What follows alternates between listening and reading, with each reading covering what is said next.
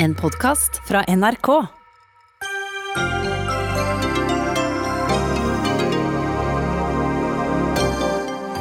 Forbrukerrådet mistenker prisjuks hos strømselskaper. Har klaget inn 29 stykker til Forbrukertilsynet. En Norfund-investering fra 2015 på 33 millioner kroner gikk til leiligheter i et hotellkompleks for oljeansatte.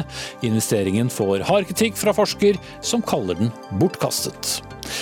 Var det en sak at Arbeiderpartilederen kjørte offentlig transport uten munnbind i går morges? Nei, tordner tidligere nyhetssjef i Klassekampen og møter Nettavisen-redaktør til debatt.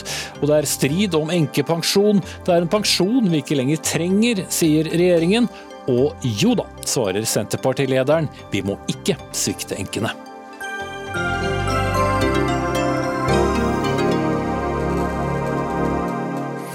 Da ønsker vi riktig god onsdagskveld og velkommen til Dagsnytt 18 med Espen Aas, der vi også skal innom en eh, ny midlertidig brexit-avtale mellom Norge og Storbritannia, og en viss rettssak, Bertheussen-rettssaken.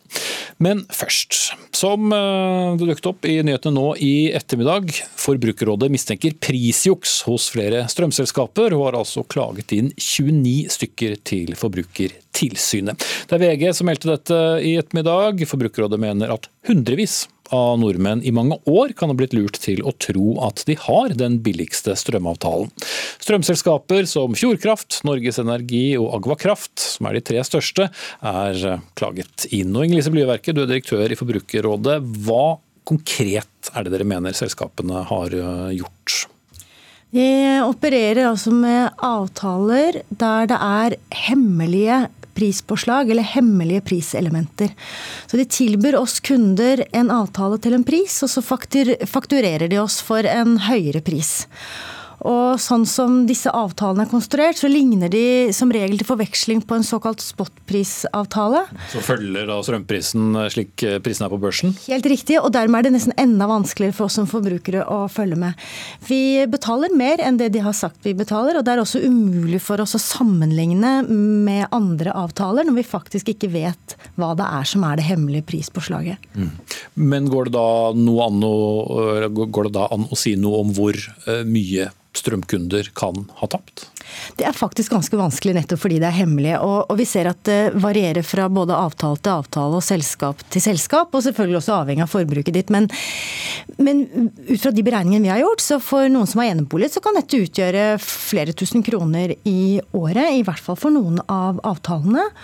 Og jeg tror det er veldig forsiktig når du sier at det er hundrevis. Vi tror nok det er tusenvis av kunder som uh, lures inn i disse avtalene, og vi tror også det har pågått over år. Mm. Men lures inn i, i avtalene, sier du. Det er, det er sterke ord. Hvordan skjer denne luringen da? Det er egentlig ikke sterke ord for en sånn type praksis. Dette er altså rett og slett en avtale hvor man ikke oppgir hele prisen. Mm. Og det blir jo lureri, det da. Det blir juks og fanteri, det. Og det blir helt umulig for forbrukere å forstå. Og vi antar jo at dette er ulovlig. Og det er jo derfor vi har klaget avtalene inn til Forbrukertilsynet. Men det er jo de som har makt og myndighet til å avklare om det er det, mm. og også ilegge sanksjoner og bøter. Mm. Et ditt eh, ennå, da. Strømselskapene Fjordkraft, Norges Energi og Agokraft er også de tre største selskapene som er, er, klaget inn. Ingen av de ønsket å snakke i Dagsnytt 18 eh, i kveld. Men eh, Toyny Løvseth, du er direktør direktør for marked, elektrifisering og kunder i det som heter Energi Norge, som er da en landsomfattende interesse- og arbeidsgiverorganisasjon for disse selskapene. Lures kunder inn? Det får vi ikke håpe. Um, Men du er ikke det... sikker? Mm. Du er ikke sikker? Det er ikke helt sikkert at alle kunder alltid eh, vet, har full oversikt over hva slags avtale de har og hva slags priselementer som inngår eh, i det. Det betyr ikke at de har en dårlig avtale. Eh, så vi kjenner ikke detaljene i de beregningene som Forbrukerrådet har gjort, så det kan ikke kommentere på, på akkurat det. Prinsipielt sett så er vi helt enig. Det skal være full åpenhet om hva som inngår i en pris. Men så sier det seg sjøl at når man går inn på en avtale som heter innkjøpspris, så vil det variere variere med innkjøpskostnadene til eh, strømsalgsselskapene. Mm. Ikke dermed sagt at man er lurt, eller at det er en dårlig avtale. Mm. Men det er umulig å beregne mm, hvordan denne prisen eh, blir som den blir? Det er overhodet ikke umulig å være åpen om hva som inngår i en sånn pris, eh, og det er ikke umulig å være åpen om at det kommer et påslag. Det, det bør det være. Absolutt. Um, men det, være, det, er umulig å si i forkant hva den, det påslaget blir, i og med at det er en innkjøpspris. Og så er vi veldig opptatt av å, fremme Vi, skal, vi jobber for et, et, et trygt og åpent strømmarked. Godt men, men går dere gjennom disse eh, avtalene? Eh, vi, nei, altså vi er en arbeidsgiverorganisasjon, en interesseorganisasjon. Vi, vi koordinerer ikke strømavtaler. Det, da, da, får vi, eh, mm. får vi med andre konkurranse. Jeg bare tenker at Dere er vel avhengig av en viss troverdighet ute blant kundene. så Hvis dere er en interesseorganisasjon, så tenker jeg umiddelbart at det ja, vil være i alles vi, interesse det, at det er lett å forstå hva en strømavtale vil koste hvis du skal bytte strømleverandør? Absolutt. og vi, vi jobber for et tryggere og enklere strømmarked. og det Vi har gjort, vi har jobba over tid. og i god dialog med Forbrukerrådet om ei sertifiseringsordning for strømselskaper som heter Trygg strømhandel. Der, en av de tingene som vi, har, vi jobber med der, og som vi også har hatt tett dialog med Forbrukerrådet om, er hvordan skal vi informere om de ulike priselementene i eh, strømprisordningen. Så dette er en sak vi jobber med, og som vi har jobba lenge med i lag med Forbrukerrådet. Ja, lenge. for at, Hvis vi husker tilbake til februar, så satt vi faktisk i det samme studio og diskuterte uh, samme sak. Nå har dere da valgt å, å gå lenger i Forbrukerrådet, men betyr det at uh, dere ikke syns denne dialogen har gått så bra nå, eller ble ikke? Det er veldig mye i dette strømmarkedet som ikke fungerer. Dette er ett av flere elementer som vi har påpekt overfor bransjen. Og Det er riktig at vi er i dialog, men sånn som jeg ser det, så, så bidrar også dette til en forvirring. Eh, en innkjøpspris, ja, det, i navnet så tror man at det er det samme som en spotpris. Ja, men det er jo helt greit at spotten eh, varierer, det er jo det børsprisen sånn som du også sa så godt.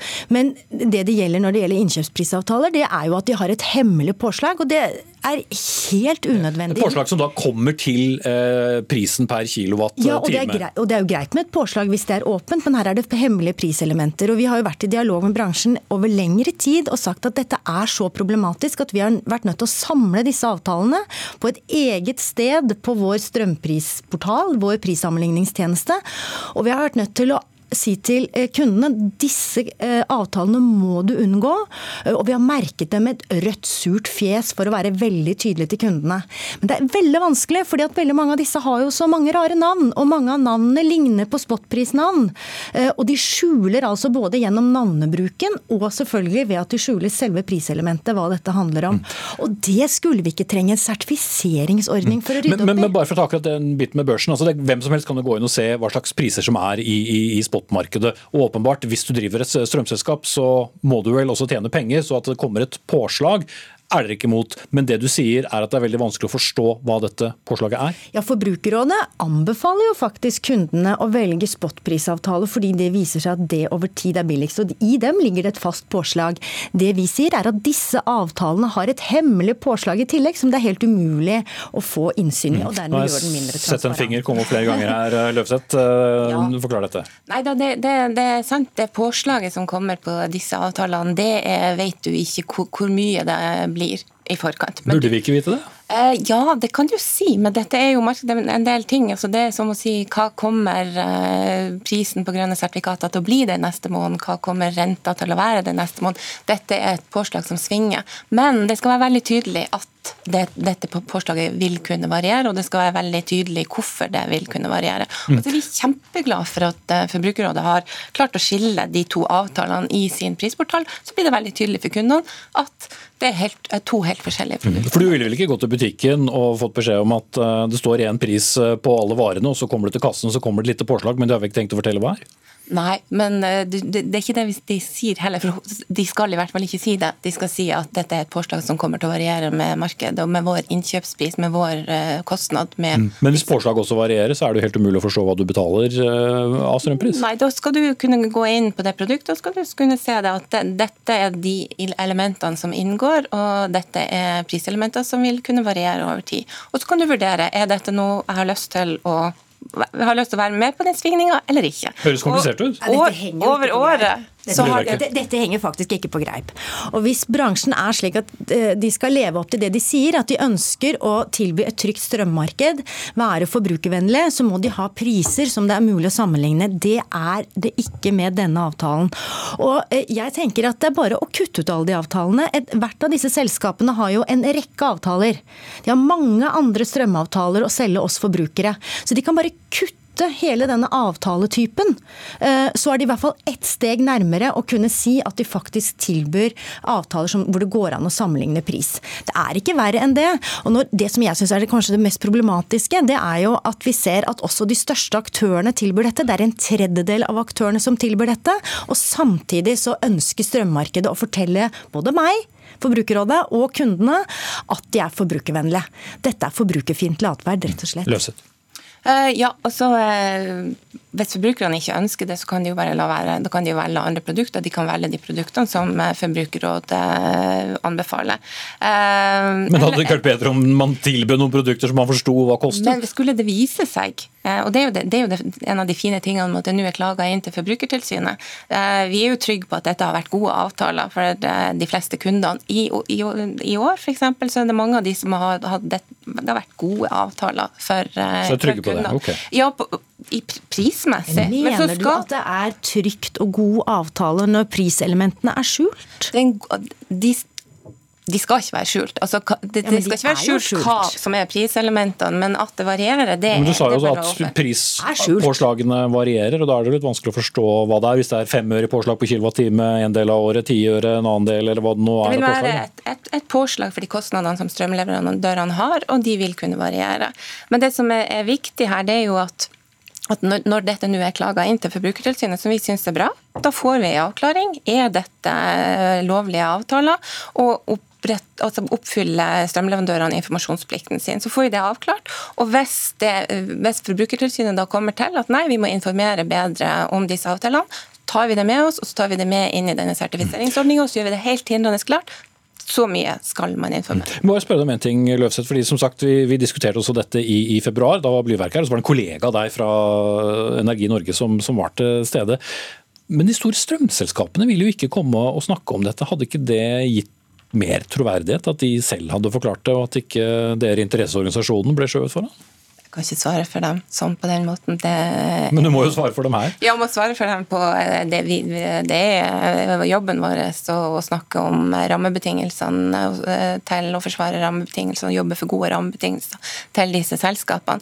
Eh, men deres kommunikasjonsstrategier og, og for øvrig også deres rett til å drive konkurranse og konkurrere om produkter og en god variasjon av produkter det kan de gjøre sjøl, og vi vet at det har tjent kundene. De norske strømkunder har veldig lave priser, mange produkter å velge mellom, mange selskaper å velge mellom, og de kan enkelt mm. bytte hvis de misforstår. De kan enkelt bytte, men det er ikke så enkelt å skjønne hver enkelt avtale. Da. Men, tiden løper litt her nå, men, men blir ikke nå sitter det uh, mange hundre tusen og hører på denne diskusjonen.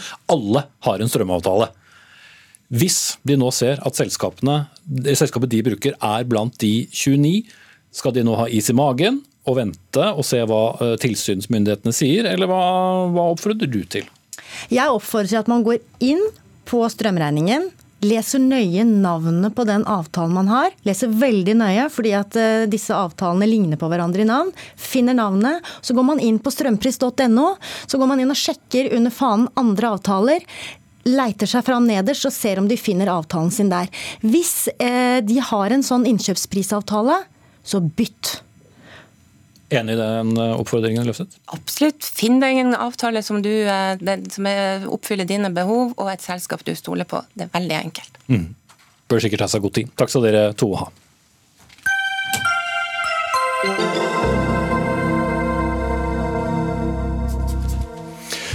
Da skal vi uh, snakke om uh, bistand, eller en investering faktisk, fra noen år tilbake. En, uh, en, investering på 33 millioner kroner fra det statlige utviklingsselskapet Norfund, som gikk til leiligheter i Mosambik, har nå fått negativ omtale i Dagbladets økonomimagasin Børsen.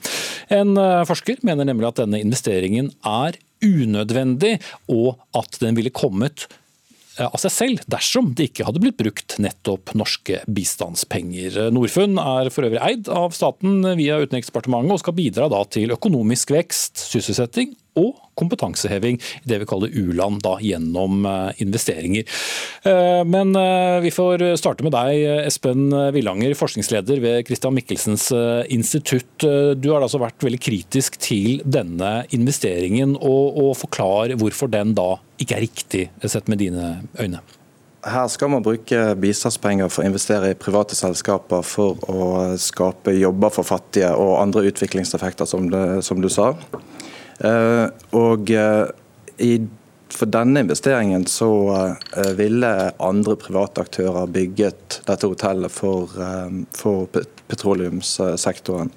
Vi har en, en, stor forskning på området som viser at når oljeselskapene går inn og skal utvinne gass eller olje i et land, så følger eh, hotellnæringen, bygg- og, og, og, anleggsvirksomheten med. Og du får ofte en byggeboom. Så det er, ingen, det er ikke nødvendig å bruke bistand for å, å, å få til leiligheter for oljearbeiderne. Mm. Tellef Torleifsson, administrerende direktør i, i Norfund.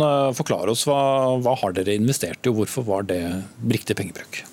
Bare for å si at Det er sunt med en debatt rundt bistand og norsk bistand, og vi er en sentral utviklingsaktør. Um, og Vårt formål er å redusere fattigdom og, og, og skape jobber ved å investere i bedrifter for å gjøre dem lønnsomme og levedyktige. Ja, Det var bare deklarasjonen, som og, jeg sa innledningsvis. Og, og, eh, vi er lønnsomme, og, og, vårt formål og måten vi jobber på er at vi bruker kapitalen flere ganger vi går inn, investerer, og når private kan overta, så går vi ut igjen. Mm. Og Så til dette prosjektet konkret. Og så til dette prosjektet konkret, så er vi, vi eh, er, vi kan gjerne diskutere prosjekter, og det er bra at det er kritisk lys, men vi er dypt uenig i den kritikken som er fremkommer. og Det er egentlig tre grunner til det. Første grunnen er at vi mener Mosambik er verdens sjette fattigste land. Det er ikke slik at det står en kø av investorer som investerer i Mosambik. Tvert imot så er det en kapitalflukt. Investorer trekker seg ut, og vi selger oss gjerne ut når private vil overta. Andre grunnen er at eh, dette dreier seg ikke om luksusfasiliteter. Det dreier seg om infrastruktur for å få lokalt næringsliv opp å stå. Leiligheter, hotell, ja. Kontorer. Eh, til, gi dem tilgang til vann, sikkerhet osv. Det tredje er at vi ser jo veldig mange eksempler på ressursforbannelser. Altså et land som får tilgang til store råvarer, gjerne olje, så kommer det fint lite ut av det til den lokale befolkning. Gassen som her er snakk om kommer inn i en veldig fattig del av Mosambik, hvor det var fint lite eh, infrastruktur fra, før. Og Dette kan gjøre det mulig for lokale befolkninger å nyte godt av det som kommer. Men, men i Villanger er jo at uh, disse leilighetene ville bli bygget uansett, fordi at her er det jo uh, oljeinvestering, og at de ville hatt en egen interesse av å huse sine arbeidere. Så var det da riktig bruk av norske bistandspenger? Eh, å huse oljearbeidere det fikser oljeselskapene selv når de kommer. eller gasselskapene. Men dette handler jo om mer, vesentlig mer enn det. Der en leilighetsbygg er en liten del av det. Det går også på kontorer, det går på lagerhold, det går på annen infrastruktur.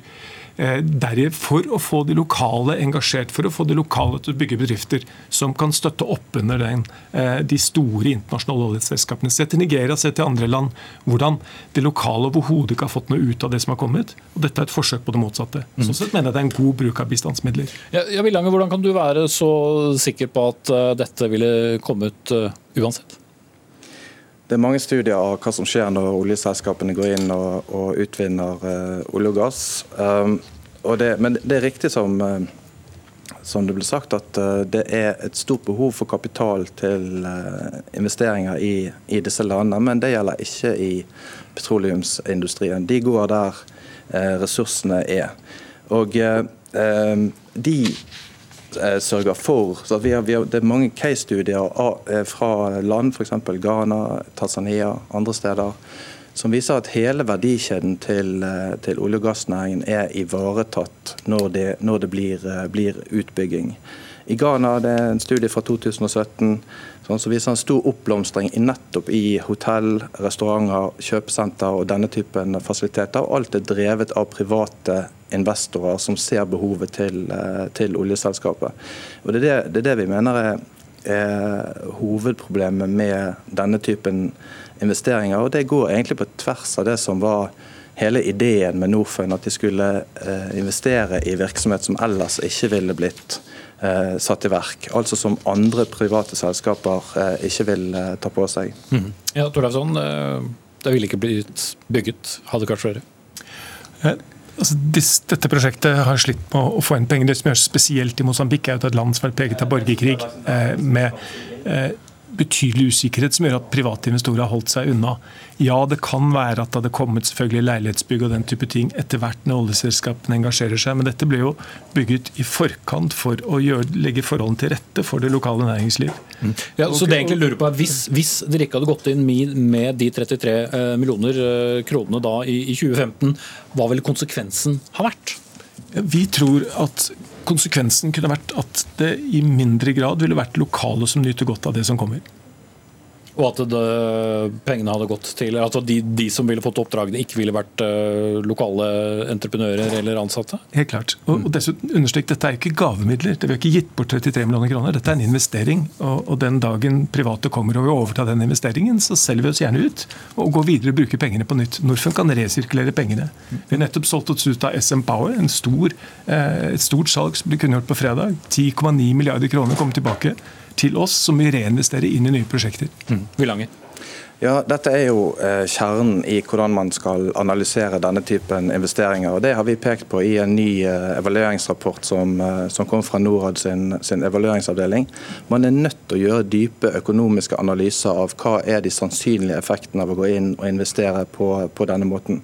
For Jeg tror nok Norfund kan klare å å gjøre en, eh, en liten forskjell i, i, prosjektet. Men hovedandel av de lokalt ansatte vil være innenfor renhold, vedlikehold, renovasjon, vaktmestertjenester, den type ting.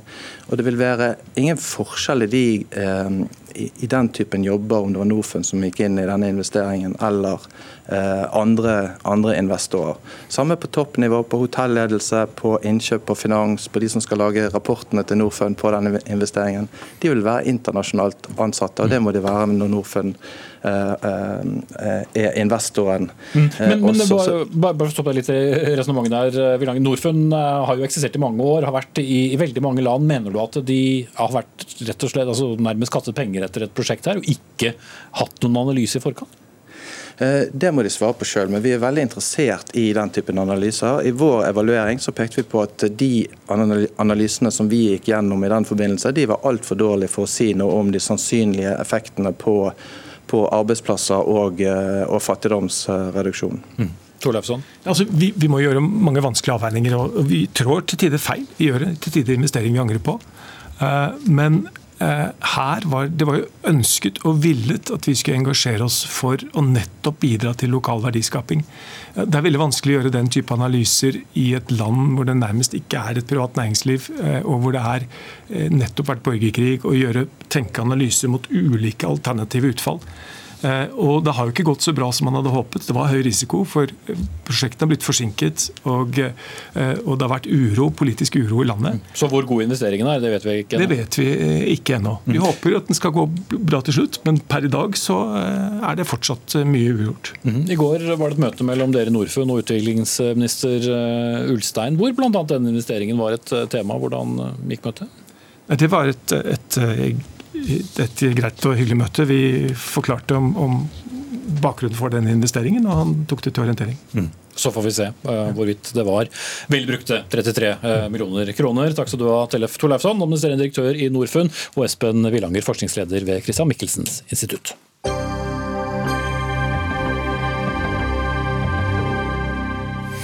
Storbritannia er Norges viktigste handelspartner etter EU, eh, e og litt senere i sendingen skal vi snakke om eh, den nye midlertidige vareavtalen fra 1.1, eh, som ble inngått mellom Norge og Storbritannia. Men så til en sak som vekte, vekket til og med en del oppsikt i går. For var det egentlig en nyhetssak at Arbeiderpartileder Jonas Gahr Støre i morges tok T-banen til jobb uten munnbind i rushtiden. Støre ble snikfotografert av en annen passasjer som eh, tok kontakt med Nettavisen, som laget et oppslag, et oppslag som ble fulgt opp av store medier som både VG og TV 2. Samtidig raste debatten på sosiale medier om hvorvidt dette var et uh, oppslag, og en som engasjerte seg her var deg, Mimir Kristiansson, i dag bystyrepolitiker for Rødt i Stavanger, men også tidligere nyhetssjef i, i Klassekampen. Du kalte det for et moralhysteri. Hvorfor? Jeg er bare så utrolig lei av at man skal forfølge politikere i Norge med millimetermoral, sånn som jeg opplever at mediene holder på. Det vil selvfølgelig mange alvorlige moralske brudd eh, politikere gjør. Eh, Metoo naturligvis, men også svindel med reiseregninger eller hva det skulle være. Men at noen glemmer et munnbind, at noen glemmer å betale når de går på T-banen, at noen kler seg ut litt rart på en halloweenfest, at noen har et litt rart navn på quizlaget sitt, at noen sykler sykle uten hjelm, gå på rødt lys, kanskje til og med kjøre en kilometer og to for fort, det er i mine øyne ikke noe nyhetsverdig. Og jeg vil ikke bo i et land hvor politikerne aldri gjør feil, hvor de aldri glemmer munnbind hjemme, hvor de aldri tar seg en øl for mye, hvor de aldri sier noe dumt, hvor de aldri plumper uti. Resultatet av denne millimetermoralen er at vi får robotpolitikere som er livredde for å gjøre feil, og til slutt ender opp med å gjøre absolutt ingenting. Så vi er nødt til å slutte med dette moralhysteriet, og heller konsentrere oss om umoralen som er, faktisk finnes i samfunnet, og det er det mer enn nok av og mer enn nok å henge fingrene i for flinke journalister f.eks. i Nettavisen. Ja, Redaktør med ansvar for meningsstoff, etikk og omdømme, samt kommentator i Nettavisen Erik Stefansen, var altså dere som publiserte dette bildet. Var, var større enn smitterisiko, og det derfor var viktig å, å publisere et bilde han ikke engang visste ble tatt? Jeg syns dette er en veldig rar kritikk. Jeg kan være enig i en del av eksemplene som Mime Kristiansen nevner her, men selvfølgelig skriver vi om en ledende politiker, til og med en statsministerkandidat i det som iallfall historisk har vært Norges største parti, at han går på trikken eller på T-banen uten munnbind, samtidig som hans partifelle eh, byrådsleder i Oslo, Raymond Johansen, over høyttaleren om oppfordrer alle passasjerer om å bruke munnbind. Mm. Men det er jo ikke påbudt. Det er jo påbudt bare hvis ikke du kan holde én meters avstand. Kunne dere ja, vite om han brøt smittevernreglene ut fra det bildet? Det, det, det, fortalte jo vår kilde, og det, det har jo Jonas Gahr Støre også innrømt, at, at på Majorstua så kommer det på masse folk. slik at det, det var aldri noe tvil om det. Og at, at det er oppfordringen er jo greit. Men vi, vi skal huske på det at dette her er jo faktisk en av de store spørsmålene i vår tid. Altså Munnbind har vært et stort spørsmål, bl.a. i Norge og ikke minst i, i, i USA. Der, der, eh, Donald Trump har gjort et nummer av ut av ikke å bruke munnbind, og har latterliggjort og, og, og mobba Joe Biden for å ikke gjøre det. Mm. Og Da er det jo litt rart. Det er jo litt pussig at, at, at, Arbeiderpartiets leder i Norge på en måte i en tabbe stiller seg på Trumps side. Han glemte vel først og fremst munnbindpakka i en annen jakke når han tok på seg eh, regntøyet. Men jeg bare ta inn Kristiansson eh, igjen, for du mener vel uansett at politikere som deg selv først og fremst bør følge lover og regler og være et forbilde? Alle er jo enige at Støre burde brukt munnbind, men så er spørsmålet er det en sak at en person glemmer munnbind. Og det Erik Stefansen sier med respekt å melde bare tull og tøys. Dersom det var sånn at Jonas Gahr Støre var en munnbindmotstander, eller at han på noen som helst måte, som du insinuerer, stiller seg på Donald Trumps side i kampen mot munnbind, eller det var sånn at han konsekvent gikk på T-banen uten munnbind fordi han ga blaffen i regler som gjelder for andre, ja, da har du en sak. Men at én person glemmer munnbind en dag, en person som vi tross alt, la oss være ærlige, har all grunn til å tro at sikkert er blant Norges aller mest prektige mennesker når det kommer til å følge ulike smittevernregler, at det skal være en sak i seg sjøl, det har jeg veldig veldig vanskelig for å forstå. Og I mine øyne så er ikke dette en nyhetssak, dette er godt gammeldags sladder. Og jeg er ikke noe tvil om at folk klikker som gale på disse nyhetene her. For sladder har alltid vært populært, og det er det selvfølgelig på internett òg. Den gikk vel sikkert godt, eh, Stefansen, men godtar vi kun politikere som ikke begår feil her nå? Nei, men dette, dette, er jo en klassisk likhet for loven. Altså, De sitter jo på Stortinget, det er vår lovgivende forsamling. Og vi må jo selvfølgelig være enige om at skal du bli toppolitiker i Norge, så må du følge lover og regler. Og det er klart Når en toppolitiker ikke gjør det, om du sniker på trikken eller blir tatt uten billett eller kjører for fort eller sånn, så blir det en avissak. Og det, det, skulle bare mangle. Altså, det er jo ikke sånn at noen er heva over, over, loven og skal da ha et slags vern fra mediene om at nei, vi, vi skal må være snille med Jonas Gahr Støre i dag, eller med, med, med Erna Solberg. Når, når Erna Solberg ø, ville håndhilse helt i starten av epidemien, så ble også det en stor sak. Det ble jo vist på NRK flere ganger at hun gjorde det. Og, og, og det er jo ingen som påstår at, at Jonas Gahr Støre gjorde dette med vilje. Men når han oppdaga at han hadde glemt det, så, så jeg, tror jeg det er mange andre politikere som faktisk hadde godt av å tatt drosje. Mm. Eh, men Du er jo politiker nå, men du har jo mange år bak deg i, i journalistikken, sågar som nyhetssjef i, i, i Klassekampen. Det må vel være at det er en smule pikant når eh, Støre sikkert på den samme T-baneturen hørte stemmen til Raymond Johansen, hans partifelle, som sier 'husk å ta på munnbind'? Jeg skal vedgå at det der var et eh, morsomt grep av Nettavisen, akkurat det, så den, eh, den skal Erik Stefansen få. Men det som jeg eh, syns er kritikkverdig her, altså Erik Stefansen snakker om likhet for loven, og det er jeg helt enig i. og Hvis noen tar Jonas Gahr Støre i billettkontroll, så skal han betale bot som alle andre. Men det er jo ikke likhet for loven, dette. Dette er jo at du henger ut folk i avisen som gjør en tabbe, og ingen andre mennesker i Norge ville ha fått denne behandlingen. Sånn at jeg mener at det der likhet for loven-prinsippet i dette tilfellet er ikke riktig. Men mitt spørsmål er egentlig ikke denne ene saken, det er bare summen av alle disse sakene. For det kommer jo en sånn sak omtrent i uka om en eller annen politiker som har gjort en mikroskopisk tabbe. Og ja, vi har lover og regler i Norge, og ja, det skal selvfølgelig være likhet for loven, men vi er jo mennesker alle sammen, og alle gjør tabber. Alle bryter en eller annen lov eller regel en eller annen gang. Sånn er det bare. Og spørsmålet er, hvis du ikke ikke har rom for de i politikken, hva slags politikere får du da? Da tror jeg du får en ny rase robotpolitikere, som jeg tror vil være veldig skadelig for norsk politikk. Og så er det bare for å si det er ingen fare for at norske medier kommer til å være for snille med Jonas Gahr Støre, så akkurat det tror jeg man kan parkere som bekymring. Nei, men, men, det er jo heller ingen fare for at Jonas Gahr Støre skal føle seg mobba ut av politikken pga. dette her. Altså De som opplever hets og sånn og politikerhets, det er jo folk på, på, et helt annet nivå enn Jonas Gahr Støre. Og det, og det som selvfølgelig gjør dette også ekstra litt, litt bemerkelsesverdig, at det er jo, det er jo hans partifelle Raymond Johansen i en hovedstad som faktisk faktisk er i en litt alvorlig situasjon. Som da på lydanlegget gjentatte ganger ber folk. Og dette er jo da mannen som kanskje kommer til å utfordre Jonas Gahr Støre som, som, partileder i samme partiet.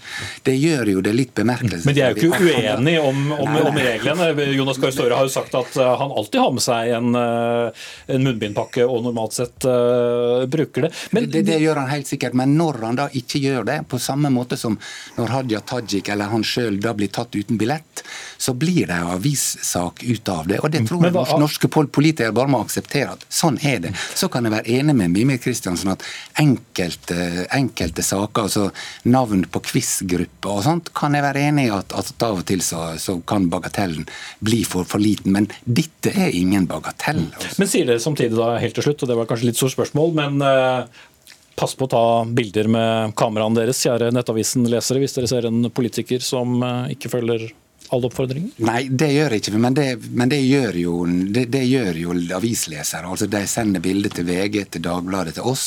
Og, og er det interessant, så, sånn som dette her er, at det faktisk er, en, en, verdt en nyhetssak, så, så bruker vi det. Mm.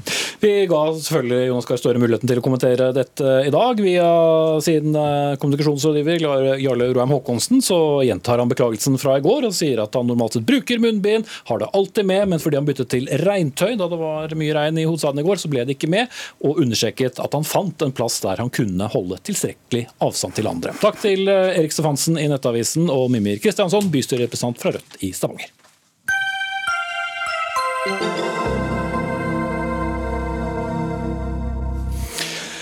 I eh, rettssaken mot eh, Laila Bertheussen avsluttet aktoratet sin prosedyre i dag med å konkludere med at det samlede bevisbildet peker mot at det var nettopp Bertheussen selv som sto bak hærverket mot boligen og de omtalte trusselbrevene. Kampen mot uh, gruppen som sto bak teaterstykket 'Ways of Seeing', som jo ble mye omtalt i forkant her, ble en besettelse for justisministerens samboer, sa aktor. Og Astrid Mæland, kommentator i VG, du er med oss på linje og følger saken. Uh, hvis du klarer det relativt kort, hvordan vil du oppsummere denne dagen i retten? Ja, Det var aktor Marit Formoe som leverte jeg vil kalle et karakterdrap på tiltalte Laila Anita Bertheussen. Hun snakka om, om at hun har dårlig hukommelse, men eh, ganske god hukommelse når det gjelder ting som taler til hennes fordel. Hun snakka om at hun har nekta å samarbeide, nekta å bli med på avhør, nekta å peke ut eh, håndskriften sin egen håndskrift i notatbøker som ble funnet på bostedet, nekta å oppgi medisinopplysninger nekta en hel masse ting som en uskyldig ikke ville ha gjort. Var vel budskapet til, til Formoe i, i prosedyren i dag. Og nå har vi jo ikke hørt på de her forklaringene om tagger på frimerker og bildekvalitet osv. på, og, på konvolutter og frimerker i mange mange uker. Så nå er jo dagen her da aktoratet altså skal oppsummere og forklare oss hvorfor de mener at eh, tiltalte er eh, skyldig, og at det ikke finnes noe tvil. Mm. Men aktoratet mente også at uh, hennes samboer, altså tidligere justisminister Tor Mikkel Wara, har tilpasset sin forklaring. Hvordan da? Ja, Han kom jo i retten på fredag, siste dag av rettsforhandlingene, og sa at, uh, støtta på under Bertheussen sin forklaring. Han sa at han òg hadde fått med seg de her fotsporene i snøen som de da samboerparet mener ukjente gjerningsmenn laga når huset deres ble angrepet. Det er jo problemet ifølge aktoratet at det her fotsporsporet var noe Bertheussen og Vara først fant ut eh, og kom på mange uker etter at det hadde skjedd. og Vara eh, nevnte det først i retten forrige fredag, har eh, ikke nevnt det i avhør før, selv om han har blitt spurt eh, konkret om eh, mangel på fotspor i snøen.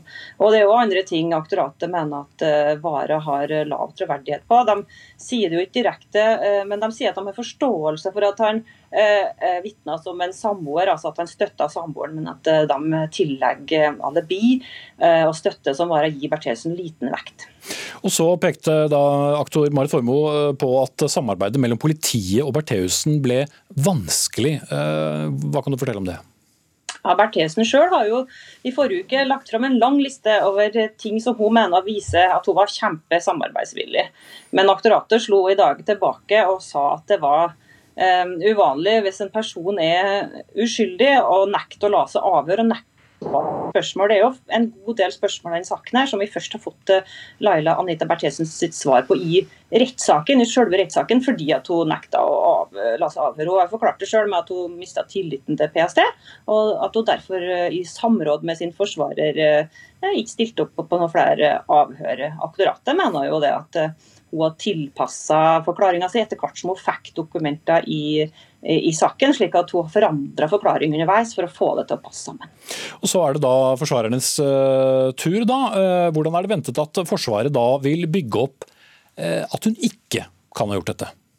Ja, Her er det jo f.eks. For tre forsendelser, tre brev som ikke er en del av tiltalen, men som kom etter eh, tiltaleperioden, som eh, tror partene i saken er enige om at eh, det ikke ser ut som Laila Anita Bertheussen kan ha sendt. Hun var i USA på et tidspunkt da ett brev kom fram, og så var hun i Sverige. Men hun kunne ikke likevel sendt det fra Sverige to andre brev. Så det vil jo selvfølgelig forsvarer eh, Elden og Heiberg eh, bruke for det det er verdt. Og det var en hel masse andre ting de kan bruke. altså det finnes jo tvil om uh, skriften, f.eks. Det er bare sannsynlighetsovervekt for at det er Bertheussen som har skrevet uh, på en del av dette materialet, mener uh, skrifteksperten til forsvareren. Det er altså ikke 100% sikkert. og det er jo en hel masse av de tekniske bevisene som det er sannsynlighetsovervekt for at det var hennes plastpose og hyssing og tusj osv., men de er altså da ikke helt, helt, helt sikre.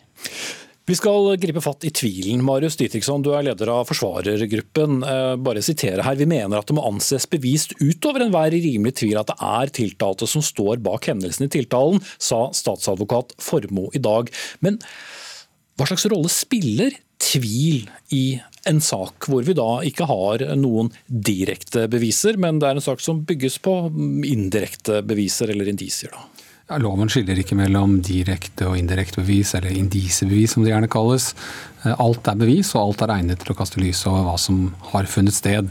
Eh, påtalemyndighetens oppgave er å bevisføre, utover enhver rimelig tvil, er rettsetningen. At tiltalte er skyldig. Det skal altså være sikkert at tiltalte er eh, skyldig.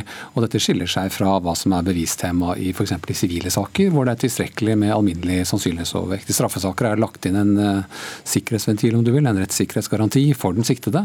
At det skal være sikkert at vedkommende er skyldig. All rimelig tvil skal komme den tiltalte til gode. Og dette er dypt forankret i vestlig rettskultur, og vi deler det med alle rettsstater vi kan uh, sammenligne oss eh, med. Mm. Men så er det da denne graden uh, av tvil, da. Uh, hvis tvilen skal komme tiltalte til gode, som, som, du sa, og som vi hører mange ganger i forbindelse med, med, med straffesaker. Altså, jo jo, men hvor mye tvil? Hvordan Skal man vektlegge tvilen?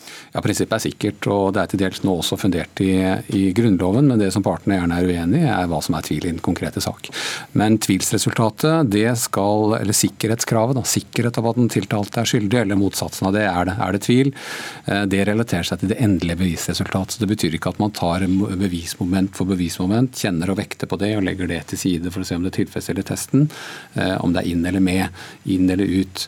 Man tar, man tar eh, vurderer alle bevisene. Noen bevis er det tvil ved, andre bevis er det ikke tvil ved. og Så vurderer man det samlede bevisresultatet. og Er det da tvil, så skal tiltalte frifinnes. Eh, og det, vil være, det er ikke all tvil man skal vektlegge, det vil være praktisk rimelig tvil. Det er krav. Er det praktisk rimelig tvil, som jo ikke er mye, men er det det, så skal den tiltalte frifinnes. Mm. Men så har jo mange gjort et poeng ut av da, nettopp at ikke det er noen smoking gun, da, som en del kommentatorer har kalt det, eller et direktebevis som knytter uh, Bertheussen uh, til, uh, til, denne saken. Så disse indirekte bevisene som du sier er, er like viktige. Kan man si noe om hvor mye de må holde? Det er en vurdering av det samlede bevisresultatet, alle indisiene tatt i, i, betraktning.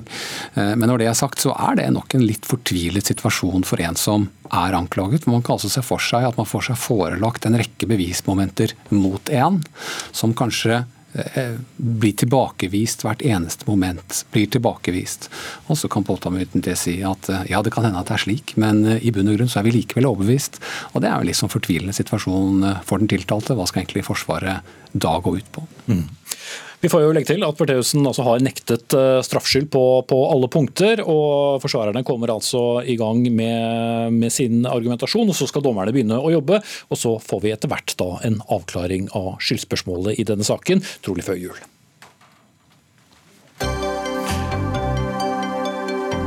Hør Dagsnytt 18 når du vil.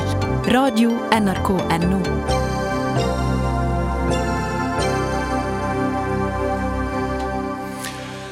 I ettermiddag kom det også et nyhetsvarsel om at eh, Storbritannia og Norge er enige om å inngå en midlertidig vareavtale fra 1.1 og frem til en frihandelsavtale trer i kraft noen måneder eh, senere. Ja, hvorfor var dette en nyhet, mon tro?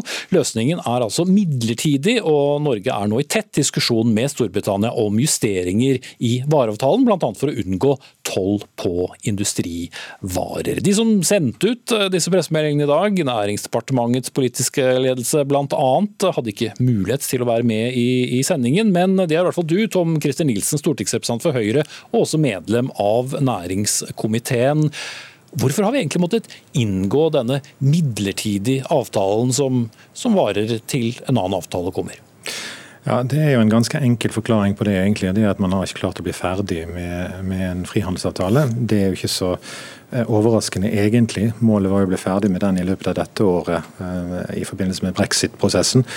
Men som alle som har fulgt med med den prosessen ser, og det er en god vaksine mot de som har lyst til å tre ut av den typen avtaler, uansett hvor du er i verden, så, så tar ting tid. Og EU og Storbritannia har ikke klart å komme fram til en avtale ennå. og Det var et eget skuespill i House of Commons på akkurat det for noen dager siden.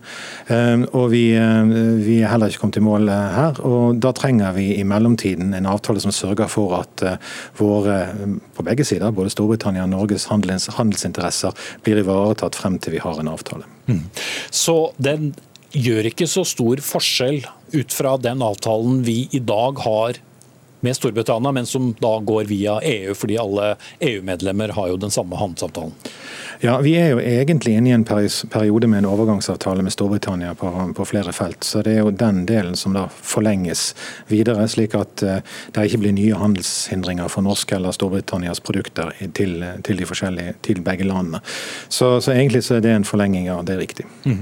Og nå, Før vi begynte å snakke om dette, så kom meldingen om at Storbritannia og, og EU sier at de er klare til å gjenoppta eh, forhandlingene om, om forholdet etter eh, brexit. Disse samtalene stoppet jo opp i i forrige uke, og det ble kastet mye, mye usikkerhet eh, rundt hva som kom til å skje videre. Hvordan vil dette påvirke det Norge så skal gjøre med, med Storbritannia? Ja, altså jeg, det er vanskelig å spekulere, men jeg vil si at dess, nærmere Storbritannia og EU kommer en konklusjon før, før, tidsfristene går ut, dess bedre er det for oss å få den norske avtalen. For dess mer som er avklart mellom de, dess lettere er det å få avklaring mellom oss. Så, så tror jeg nok uansett skal vi forhandle en frihandelsavtale med, med Storbritannia. Dette er et viktig marked for oss, og vi er et viktig marked for de. Så det er felles interesse både fra oss, Storbritannia og EU at vi får et ordnet forhold der. Mm. Øyvind Svendsen, du er forsker ved NUPI altså Norsk utenrikspolitisk eh, institutt. Eh, denne avtalen som kom i dag, eh, hvor viktig er den? Den er jo viktig, særlig hvis EU og Storbritannia ikke får til en avtale heller. For Norges del så gjør det at varer kan flyte tollfritt også etter at avtalen vi har går ut ved årsskiftet. Eh, For Hvis ikke man har en handelsavtale, det er jo litt av det som gjør det vanskelig her, både når det gjelder Storbritannia og, og EU, kan, eh, og, og, selvfølgelig også Norge og Storbritannia. For da kan du egentlig ikke frakte eh, noen varer eh, over kanalen fordi det ikke er noen handelsavtale. Eller du vil i beste fall kunne bruke da eh, Verdens handelsorganisasjons sånn grunnavtale, som vil i mange tilfeller bety veldig høyt hold. Det kan man gjøre, sånn at man, Norge og Storbritannia kan handle, men det vil ikke være noen garanti for tollfri handel. Det vil snarere tvert imot det vil være toll på varer mellom Norge og Storbritannia. men, men årsaken til at eh, Næringsdepartementet ikke, kanskje ikke er interessert i å komme og svare så veldig for dette, er fordi at dette er jo ikke en avtale å feire i så måte. Dette er jo en anerkjennelse eh, om at vi ikke klarte det. Vi klarte ikke målet. Vi, Norge øh, og regjeringen ønsket en omfattende handelsavtale med Storbritannia før årsskiftet, når overgangsavtalen går ut. Det har de ikke fått til, derfor denne ordningen. Og så vet vi ikke, da, at, og det er kanskje bra, eh, Norge og Storbritannia har ikke den tonen EU og Storbritannia har i Storbritannia og EU-forhandlingene vet vi jo hva det handler om. Det er eh, klare stridspunkter som de snakker høyt om. Men vi vet jo ikke hvorfor norske regjeringen ikke har klart å komme fram til en avtale med britene. Mm. Men mange spekulerer jo i at eh, det vil være interessant å se på hva slags grunnavtale som da blir mellom Storbritannia og EU, og at vi kan da eh, sannsynligvis basere en del av vår, vår handel på den. Og så er det andre norske interesser, som lavere toll på, på fiskeeksport enn det vi har til EU, en endret avtale på jordbruk osv. Men det at det er så komplisert mellom EU og, og, Storbritannia, gjør det også vanskeligere for oss. Det gjør det, og det er også fordi EU eh, e er svært viktig. EØS-avtalen er svært viktig for Norge, og for regjeringen så er det en prioritet. og Regjeringen har jo lagt seg tett opp mot, mot EU i spørsmålet om brexit, og er også tydelig på det, at en frihandelsavtale vil ikke kunne erstatte det vi har med Storbritannia gjennom EØS-avtalen. Og så er det en hel masse tekniske, juridiske komponenter som ligger i EØS-avtalen, særlig innenfor regulatoriske områder, hvor, hvor Norge ønsker å ta dette inn i den avtalen vi får med Storbritannia. Og jeg vil nok tro at de norske forhandlerne ønsket at EU og Storbritannia hadde kommet lenger på dette tidspunktet, sånn at man kunne begynne å kopiere og se hvilke områder man kunne ta inn i den norsk-britiske avtalen. Mm. Er du enig i det resonnementet, Kristiansen, eh, hadde vært enklere for Norge dersom EU eh, e og, og Storbritannia hadde et eh, ja, litt enklere for å komme til enighet? Ja, jeg tror det enkleste for hele Europa hadde vært hvis brexit ikke hadde skjedd i det hele tatt.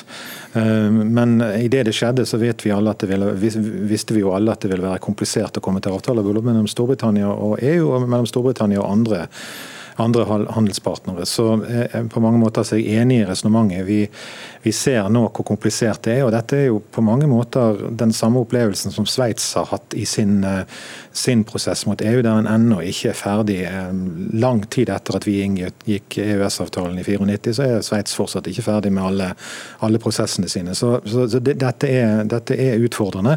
Men jeg opplever det slik at det i hvert fall er interesse fra alle parter om å komme til en, komme til en ordentlig ordentlig avtale, avtale her. Vi, dette er jo en av våre største handelspartnere, og, og selv, selv, om vi er et lite land her i Norge, så er vi nokså stor handelspartner også for Storbritannia. Mm. Ja, Øyvind Svendsen, forholdet mellom Storbritannia og, og Norge fremover, hvordan kan det komme til å utvikle seg? Fordi nå er det bare vi to som skal snakke sammen om det, altså Norge og Storbritannia, om, om handelsavtalen uten å ha hele EU-systemet. Ja, Det er jo et annet eh, maktforhold, hvis vi tenker på internasjonal politikk sånn. Det vi ser i eh, brexit-forhandlingene mellom Storbritannia og EU, er jo at det er en veldig stor og sterk part. Og så er det eh, en, som, en, part som Storbritannia som blir oppfattet som vesentlig mindre, uten at de forstår det selv. I det norske-britiske forholdet så er det jo annerledes. Vi har stor eksport til Storbritannia, men mesteparten er olje og gass. Eh, Forutenom det så har vi et handelsunderskudd med Storbritannia. Så, så eh, Britene er en, eh, er en stor og viktig aktør her, men britene bryr seg også om Norge. og Det er de veldig tydelige på. at de ønsker, Dette er jo Global Britain, de skal jo omforene verden sånn som i sitt nye bilde. og Der uttrykker de at Norge kommer til å bli en viktig partner, også når det kommer til sikkerhets- og forsvarspolitikk, og da særlig nordområdene. Mm. Vi får se hvordan det går. Takk skal du ha, Øyvind Svendsen fra NUPI og Tom Christer Nilsen, stortingsrepresentant for Høyre. Og kan jeg minne om én ting. Det er fire år, tre måneder og 29 dager siden britene avholdt folkeavstemning om hvorvidt de fortsatt skulle være medlem i EU. Så det er på tide å bringe de tre t-ene nok en gang. Ting tar tid.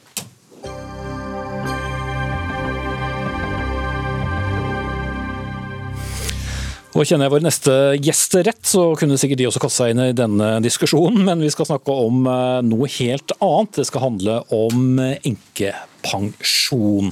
Og I et eh, oppslag i Dagbladet kan vi lese at Trygve Slagsvold Vedum og Senterpartiet har konkludert med at de ikke vil gå med på å fjerne dagens eh, enkepensjon, eller pensjon til enker og enkemenn, slik regjeringen har foreslått, som da er en del av fullføringen av pensjonsreformen, som også har vært et omfattende arbeid for å skaffe flertall på Stortinget. Og Trygve Slagsvold Vedum, leder av Senterpartiet, hva er egentlig konsekvensene av å fjerne denne enkepensjonen? Den er veldig dramatisk for, for, den kona eller den mannen som mister ektefellen sin. Da. Det mest dramatiske du kan oppleve i livet. Å miste den du er mest glad i. Og nå i dag så har vi en ordning som 14 500 mennesker har glede av. At de får da en enkepensjon.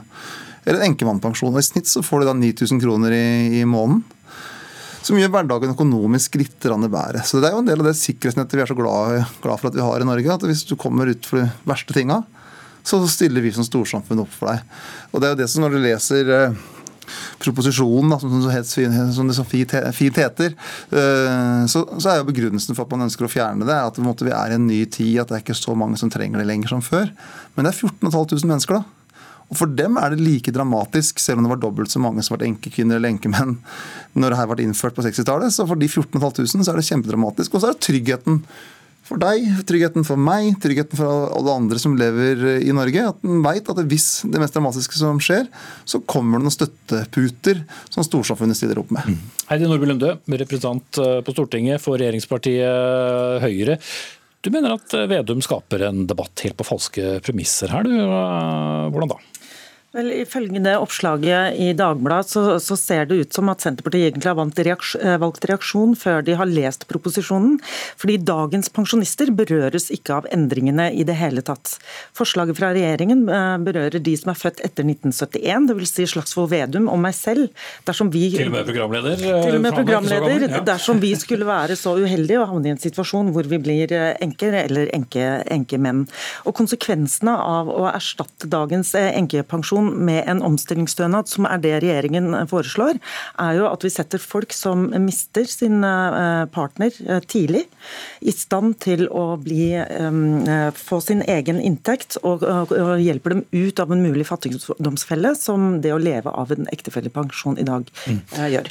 Men altså, vi foreslår disse endringene fordi at samfunnet er, har endra seg siden den gang etterlytteytelser ble foreslått, og det var i 1964. Siden den gang så har kvinner kommet ut i arbeidslivet. Vi har egen inntekt og egen pensjonsopptjening. Og det å, øh, det å frivillig ha valgt vekk pensjonsgivende arbeid, kan gi livslang etterlattepensjon øh, og bli en fattigdomsfelle for de det gjelder. Mm. Så det gjelder bare folk som skal da bli pensjonister flere par tiår inn i framtiden her, Vedum? Det gjelder jo deg og meg hvis du blir enkemann eller enkekvinne i morgen. da. Så det er jo veldig dramatisk eh, for de det gjelder. Og så er det 14 500 mennesker det er snakk om her og nå som har det. Så det er, en, det er en ordning som hjelper mange folk nå. Så er det viktig hvis du leser hele proposisjonen.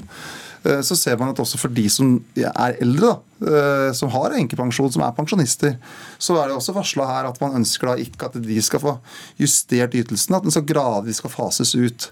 Så Den, den, den ene er den ordningen som sto omtalt i Dagbladet i dag, som handler om altså før det er 67, som kalles enkepensjonsordningen da. Men så er det også sånn gjenlevelsesytelser hvis det er etter 67. Og de skal også fases ut, som det varsles eh, her i proposisjonen, eh, for eh, den enkekvinnen eller enkemannen.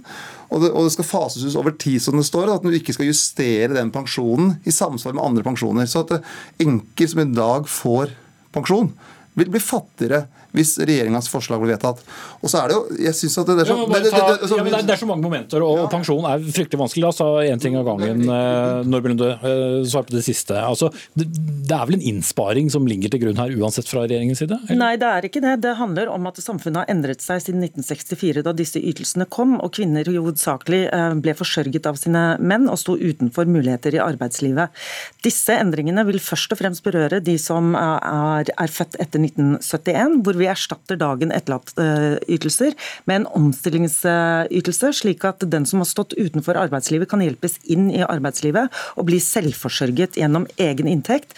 Fordi alternativet er en fattigdomsfelle der man blir gående på en etterlatteytelse og til slutt ender opp som en, eh, en eldre minstepensjonist. Og Det er konsekvensene av de endringene som vi her foreslår. Det Slagsvold Vedum sier at dagens pensjonister som er over 67, de berøres ikke av de endringene. Og de som er eldre enn meg, vil berøres i mindre grad. Så er det helt naturlig å fase ut en del ytelser og ordninger som i 2020 kanskje ikke er så relevante for det samfunnet vi i dag ser. Men, men hvordan er de ikke relevante, bare for å forstå dette? Så hvis du er i jobb, så vil du ikke ha krav på ytelsen, men hvis du hvis du, er i jobb, hvis du er i jobb i dag og skulle være så uheldig å miste din, eh, din partner, så vil jo en eventuelt etterlatteytelse bli avkortet mot eget inntekt. Og dette er allerede 80% av de som får etterlatteytelser, får den avkortningen. Fordi kvinner, Slagsvold Vedum, er i dag i eh, arbeid. Og den største utfordringen for, for oss er jo å få kvinner inn i heltid i arbeidslivet, ikke få de ut på etterlattepensjoner dersom de skulle mm. miste sin ektefelle. Men altså, det blir en en form for avkorting uansett? Hvis, uh... Det er allerede en form for avkorting dersom du har egen inntekt eh, i dag.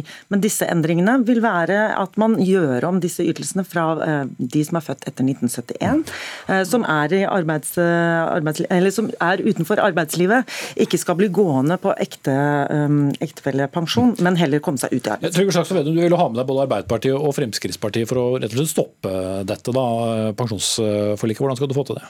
Jeg håper for første at stortingsrepresentantene leser den, eh, det forslaget som regjeringa har kommet med. Og Der sier jo regjeringa rett ut at den, skal, at den skal spare penger. eller kaller det en rimelig byrdefordeling mellom generasjoner. Altså Det ikke skal bli for dyrt nå, da, skal bruke for mye av oljefondet. Det er liksom forklaringa. Men det her er snakk om 14 500 mennesker som får enkepensjon eller etterlattepensjon i dag ekstremt viktig for de menneskene å få 9000 kroner i måneden. Og så er det den der omstillingsstønaden som er måtte alternativet til regjeringa. Hvis du leser forslaget, så er det masse vilkår for å få omstillingsstønad. Du må melde deg på Nav raskt, eventuelt starte en bedrift. Det er så firkanta. Og vi må huske at verden er ikke så perfekt som Heidi Nordby Lunde vil at alle skal ha jobba 100% alle skal være vellykka. Det er ikke sånn at alle er vellykka. Det er en del som har trøbbel, og da må vi ha en støtteordning for også de som får ekstra trøbbel når de, når de mister sin, sin aller nærmeste. Og så er det også fordi alle som nå har etterlattepensjon, Eh, vil du bli urolig hvis du leser den her. For det står at det skal avkortes over tid, fordi at man skal spare penger. Men man skal gjøre det gradvis. Så de som er enkle eller enkemenn, de skal altså gradvis få kutta sin kjøpekraft. Og Det er hilsen Høyre, Venstre og KrF. Og jeg håper Frp og Arbeiderpartiet ser at vi ønsker ikke et sånn type samfunn. At det er de som er minst, de som er mest sårbare, de skal vi ikke ta råd til. Og det er ganske små penger vi også bruker på det. Vi skal ta tid til å høre Heidi Nordby Lunde svare på det minuttet som er igjen. Ja, jeg reagerer ganske kraftig på hvordan Slagsvold Vedum forsøker å fremstille dette. Eh, når jeg har sagt nå tre ganger at dagens pensjonister berøres ikke av Men det er jo ikke riktig hvis du leser, hvis du leser proppen. Si at Senterpartiet faktisk her går ut og prøver å polarisere en debatt på falske premisser, og det er det vi kaller på internetsk rage-bating. Man prøver å skape et raseri der ute for en endring som faktisk ikke er tilfellet. Det vi ønsker å gjøre, er å hjelpe de som er født i 1971 eller senere, altså yngre pensjonister, okay, okay, til å komme tilbake eller inn i arbeidslivet, slik at man ikke havner i en fattigdomsfelle som det er dersom man lever. Men, men er det netto innsparing på budsjettet det står jo det for dette? Og så står det utfasning av gjenlevendefordeler i etterlattes alderspensjon. Nå, nå det, det, og det er Høyre sitt forslag. Så da må du lese forslag som kommer, og der står det svart på hvitt at de ønsker å kutte på alle aldersgrupper. At man utfaser eh, noen eh, ytelser og ordninger i dag som har overlevd sin tid fra 1964, kan føre til noen innsparinger, er nok eh, riktig. Men den største forsikringen for de som, for de som står utenfor arbeidslivet i dag og mister sin, mister sin ektefelle, er å komme tilbake og inn inn i arbeidslivet. og, og det er det vi skal hjelpe dem til. Der kommer jeg med punktum, og sier at det var Stein Nybakk som tok seg av det tekniske. Dag Dørum hadde ansvaret for sendingen. Jeg heter Espen Aas. Vi kommer tilbake igjen i morgen.